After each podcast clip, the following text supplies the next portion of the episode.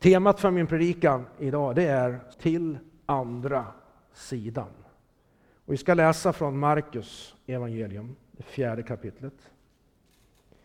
Markus 4 och från vers 35 ska jag läsa. Markus 4 och 35. Och det som har hänt innan vi kommer in i den här texten, det är att Jesus han är uppe vid Genesarets sjö och han har undervisat under en lång tid och han har gett, om du läser hela kapitel 4, gett flera olika bilder, olika liknelser och så vidare. Undervisat hundratals, kanske tusentals av människor. Eh, och så, så kommer till vers 35. Och då står det så här, på kvällen samma dag sa Jesus till lärjungarna, låt oss fara över till andra sidan.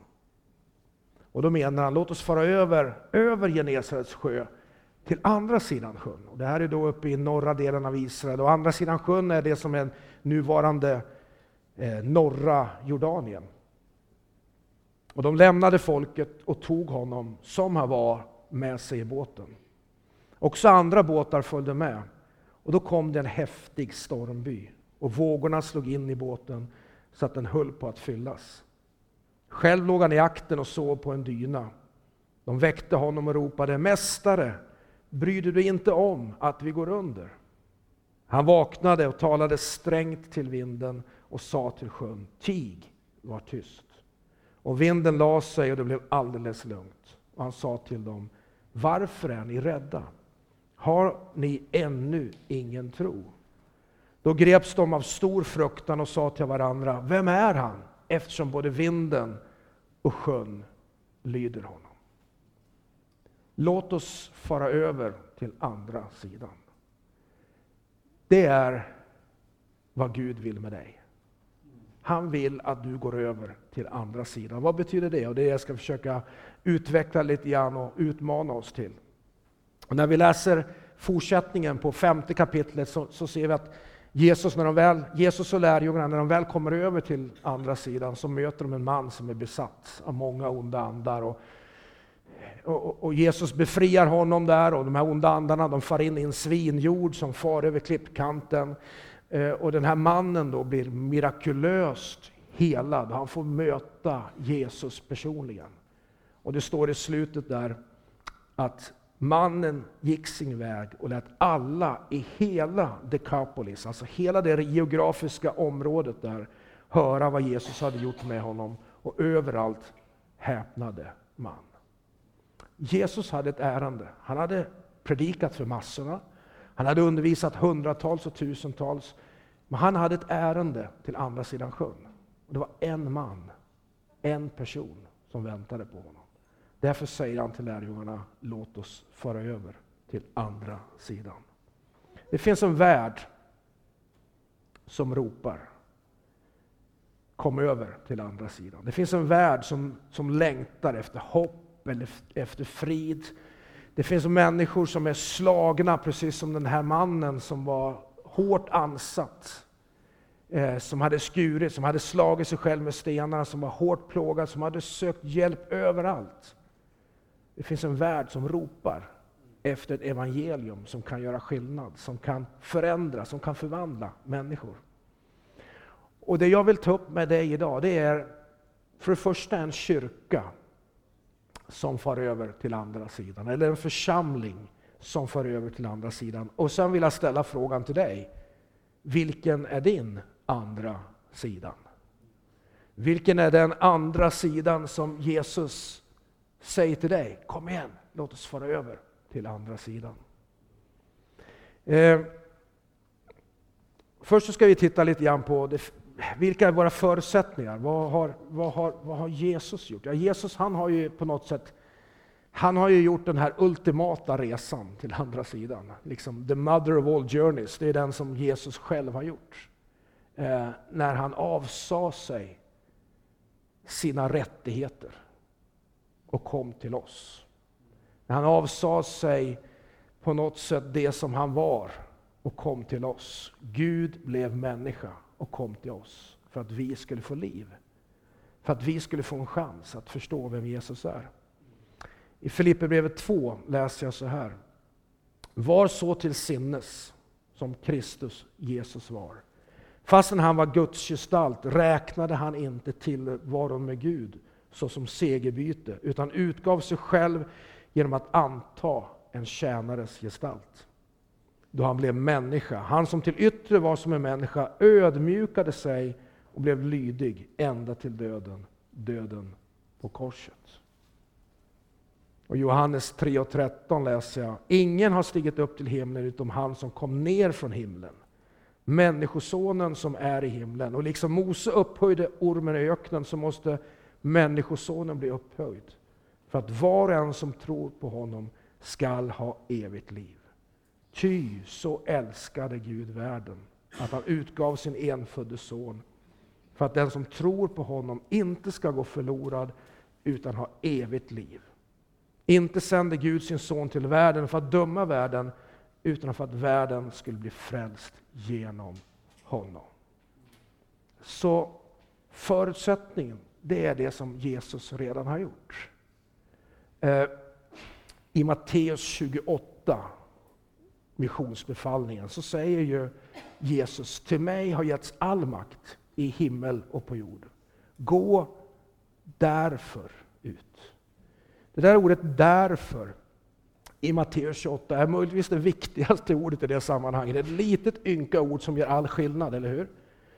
För varför ska vi gå till andra sidan? Varför ska jag tänka att jag har förutsättningar att göra en skillnad i världen? Varför kan jag stå här och säga att jag är lika övertygad om det som jag var för 30 år sedan? Varför kan jag med frimodighet säga att Gud har en plan med ditt liv och han vill att du ska göra skillnad? Jo, därför han har all makt i himmel och på jord.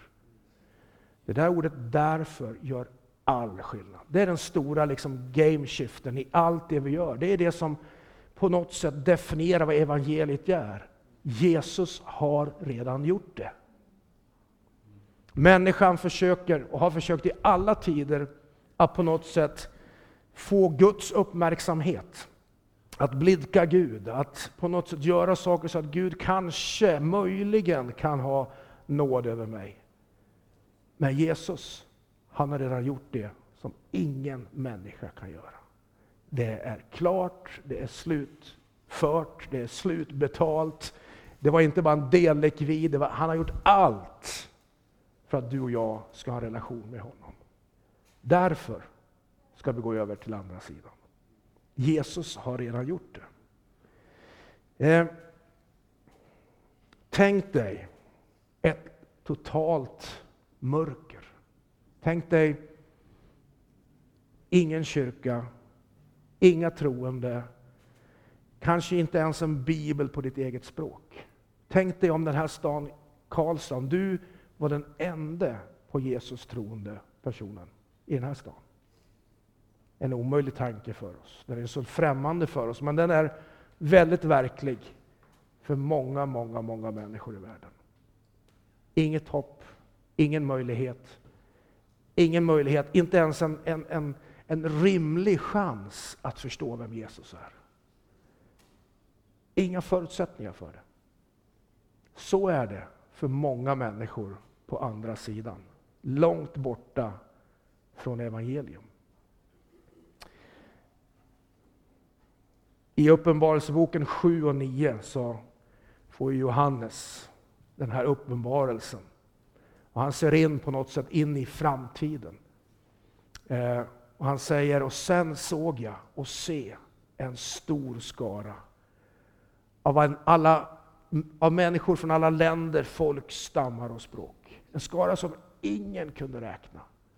Klädda i vita kläder och med palmkvistar i sina händer så står de och, och ropar Äran, makten och väldet tillhör vår Gud i evigheters evigheter. Amen. Alltså han får en glimt av hur det ska bli en dag inför tronen då alla folk faller ner i tillbedjan. Och då står det att det är människor från alla länder, stammar, folk och språk. Och, och de där orden, det, det, är samma ord som vi möter i Matteus 28. Gå därför ut och gör alla folk till lärjungar. Det är samma ord som vi möter i Matteus 24 när när Jesus berättar för lärjungarna om, om den yttersta tiden, och, och, och lärjungarna ivriga liksom vill ju veta, men när händer det här? Ge, ge oss en liten, liten indikation på när kommer den yttersta tiden? Och Jesus han ger ju inget klockslag, eller han tar inte fram sin kalender, men han ger en liten, liten indikation på när den yttersta tiden kommer. Han säger att riket, evangeliet om Guds rike, ska predikas överallt och ska bli till ett vittnesbörd, står det, för alla folk. Sen ska slutet komma. Så han ger en indikation på att det finns ett sammanhang mellan den yttersta tiden, Jesu andra tillkommelse som vi tror på, som vi väntar på, och slutförandet av det uppdrag som Jesus ger i Matteus 28. Som löper som en röd tråd genom hela Bibeln. Du läser i salmerna om folken som ska komma och tillbe. Du ser det i Matteus 24, du ser det i Uppenbarelseboken. Du ser att Gud har alla folk på sitt hjärta. De som finns på andra sidan, de som aldrig har hört, aldrig har en chans, aldrig fått ett tillfälle att säga ja eller nej till Jesus. Det, här är, det, här är ju, det finns många orättvisor i världen som handlar om hungersnöd, som handlar om utbildning, som handlar om demokrati, som handlar om allt det här. Men den största orättvisan, absolut största orättvisan som finns, det är att det finns de som inte har fått en chans att förstå vem Jesus är. De har inte ens fått chansen att säga nej. Och ännu mindre chansen att säga ja. Det är de här människorna som vi måste gå till, som vi måste sträcka oss till, som vi måste fara över till andra sidan för att möta. Eh, det här är ju en församling, nu, nu predikar jag till kören här, jag slår in liksom öppna dörrar, men jag tror att vi måste påminna oss hela tiden om att församlingens uppdrag är både lokalt, Karlstad, jag och mina grannar, Eh, jag och mina arbetskamrater, jag och mina kompisar i plugget, men så är det också alla de här folken som inte hört talas om Jesus. Att en dag ska alla få tillbe honom. Idag finns det ungefär det finns ungefär 17 000 folkgrupper i världen totalt. Eh, lite olika statistik, lite olika på hur man räknar, men ungefär 17 000 etniska folkgrupper totalt.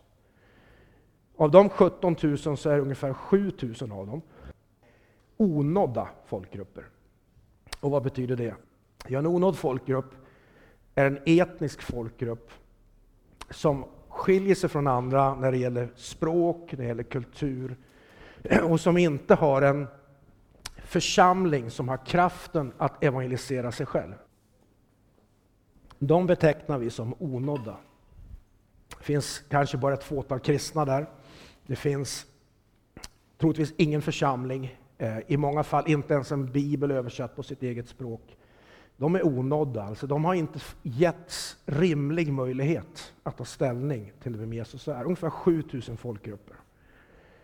Ungefär 900 eller runt 1000 av de 7000, är ni med mig? Ungefär 1000 av de 7000 är vad vi kallar, på engelska säger man unengaged, unreached. Det finns inte så bra svenskt ord på det. Men alltså de, det är inte ens någon som har sagt vi är beredda att gå till den folkgruppen. Det finns inga initiativ ens att göra en skillnad mot de folk, ungefär tusen folkgrupper.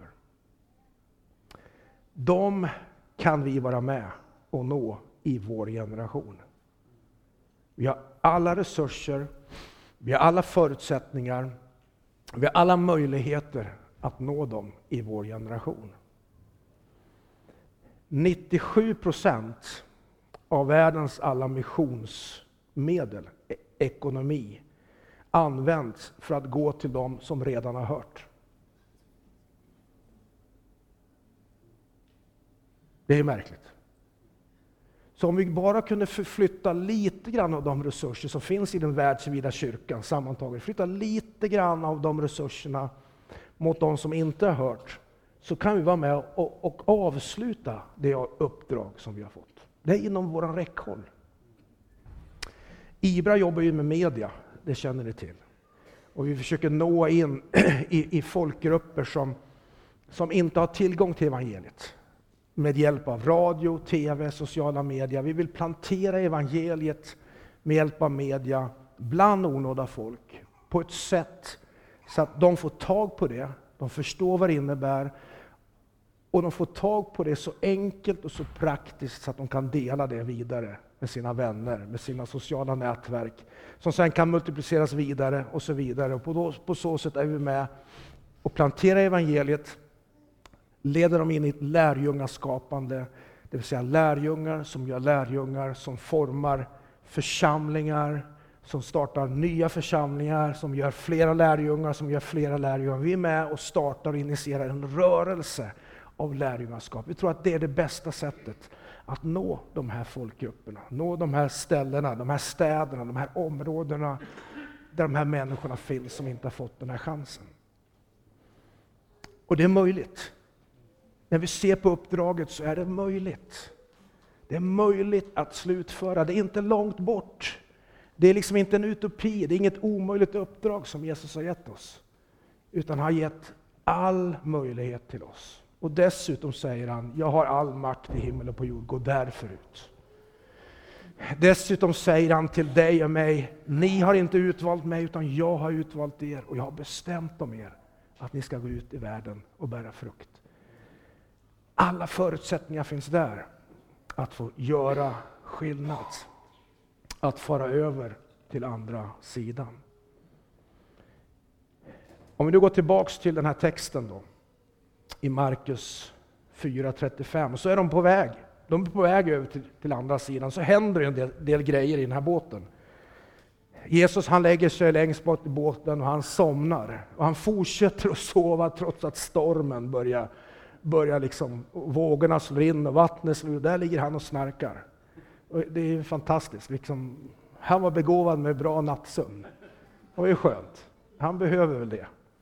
Och lärjungarna de blir mer oroliga, de blir ängsliga. Och så tittar de bak i båten och där ligger han och sover. Ja, vad kan vi lära av det? Ja, vi, kan ju, vi kan ju känna med lärjungarna, för ibland känns det faktiskt som att Gud sover. Eller hur? Är det någon som har gått igenom en storm i sitt liv någon gång och man tror att Gud bara sover? Eller hur? Det kan kännas så. Man ber, men han hör inte. Han liksom han bara snarkar på, men får ingen reaktion, får inget svar, får liksom ingen, det händer inget. Men så ropar de högre. Och Jesus han, han vaknar till och sen så med ett ord så stillar han stormen. Och så skakar han på huvudet och så tänker han, fattar ni ännu ingenting? Förstår ni inte? Jag är med er i båten. Varför ska ni oroas? Varför ska ni vara rädda? det kan kännas som att vi ibland blir övergivna av Gud. Och när vi tänker på det stora uppdraget, då, missionsuppdraget, och göra skillnad i världen, så kan man ibland tänka att liksom, ja, men, det är så mycket i mitt liv som kommer emot mig just nu. Och kanske inte bara väder och vind, utan motgångar, besvikelser, saker som jag trodde skulle bli som inte blev, ord som jag har fått tidigare, kanske en kallelse som jag trodde att jag hade, men på något sätt har bara runnit genom fingrarna och försvunnit iväg. Förutsättningar som går emot mig. Allt det här, för livet händer. Men då behöver vi väcka upp ordet i våra liv. Precis som de väckte upp Jesus och genom Jesu ord så stillade stormen, så tror jag att det finns, finns ett Guds ord talat över ditt liv som du behöver väcka upp. Gud har redan talat i oss. Så går du igenom prövningar, väck upp ordet. Gå till Guds ord. Påminn dig om vad Gud kanske har sagt till dig. Kanske förra veckan, kanske för ett år sedan, kanske för 30 år sedan. När Gud la någonting i ditt hjärta, la en längtan, la en, en förhoppning om att få göra skillnad. Väck upp det ordet igen. ska du se att Guds ord stillar stormen. Guds ord gör skillnad i ditt liv. Väck upp ordet. När trötthet och fruktan kommer, när vi blir självcentrerade, oroliga och ängsliga, väck upp ordet. Guds ord och Guds tilltal över ditt liv. Mästare, vi går under. Och det enda Jesus tänkte på, det var den här mannen som han skulle möta på andra sidan. Det var ju han som höll på att gå under. Det var inte lärjungarna det var synd om, det var den här mannen. Och de var tvungna att gå igenom den här stormen för att möta den här mannen, för att ett helt område skulle få höra talas om vem Jesus är. Mästare, vi går under. I Hebreerbrevet 12 och 1 står det så här. När vi nu har en så stor sky av vittnen omkring oss, låt oss då lägga bort allt som tynger och särskilt synden som snärjer oss så hårt och löpa uthålligt i det lopp vi har framför oss. Alltså om, om molnen runt omkring, månskyn runt omkring på något sätt kommer emot dig, så, så låt oss då påminna oss om en annan sky. En, en sky av vittnen som det står i Hebreerbrevet, alltså de som har gått före. Låt oss påminna oss om att uppdraget vi har ska vi löpa uthålligt med. För han har gett oss förutsättningar att slutföra det. Så vad är då din andra sida? Eh, ja, det är en fråga jag vill ställa. Vilka människor har Gud ställt i din närhet? Vilken kontext, vilket sammanhang finns du i? Din familj, din släkt, dina arbetskamrater och så vidare. Som församling, vilka, vilka människor är det ni berör runt omkring?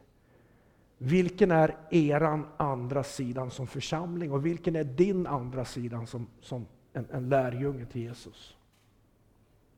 Dit vill han att du ska gå. Och han har gett oss all makt i himmel och på jord. Därför sänder han ut oss. I Matteus 28 så står det att Jesus hade sagt till lärjungarna att gå till ett speciellt ställe. Han skulle möta dem där vid, vid sluttningen, där, vid bergssidan. Och så står det i det sammanhanget att när de såg Jesus så tillbad de honom. Det här var alltså efter hans död, efter hans uppståndelse, precis innan han ska fara upp till himlen. Så har han bestämt träff med sitt, liksom, sitt team, sitt drömlag, sina, sina elva.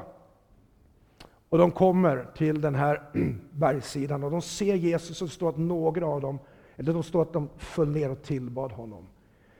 Men så står det också att några av dem, stod det, tvivlade.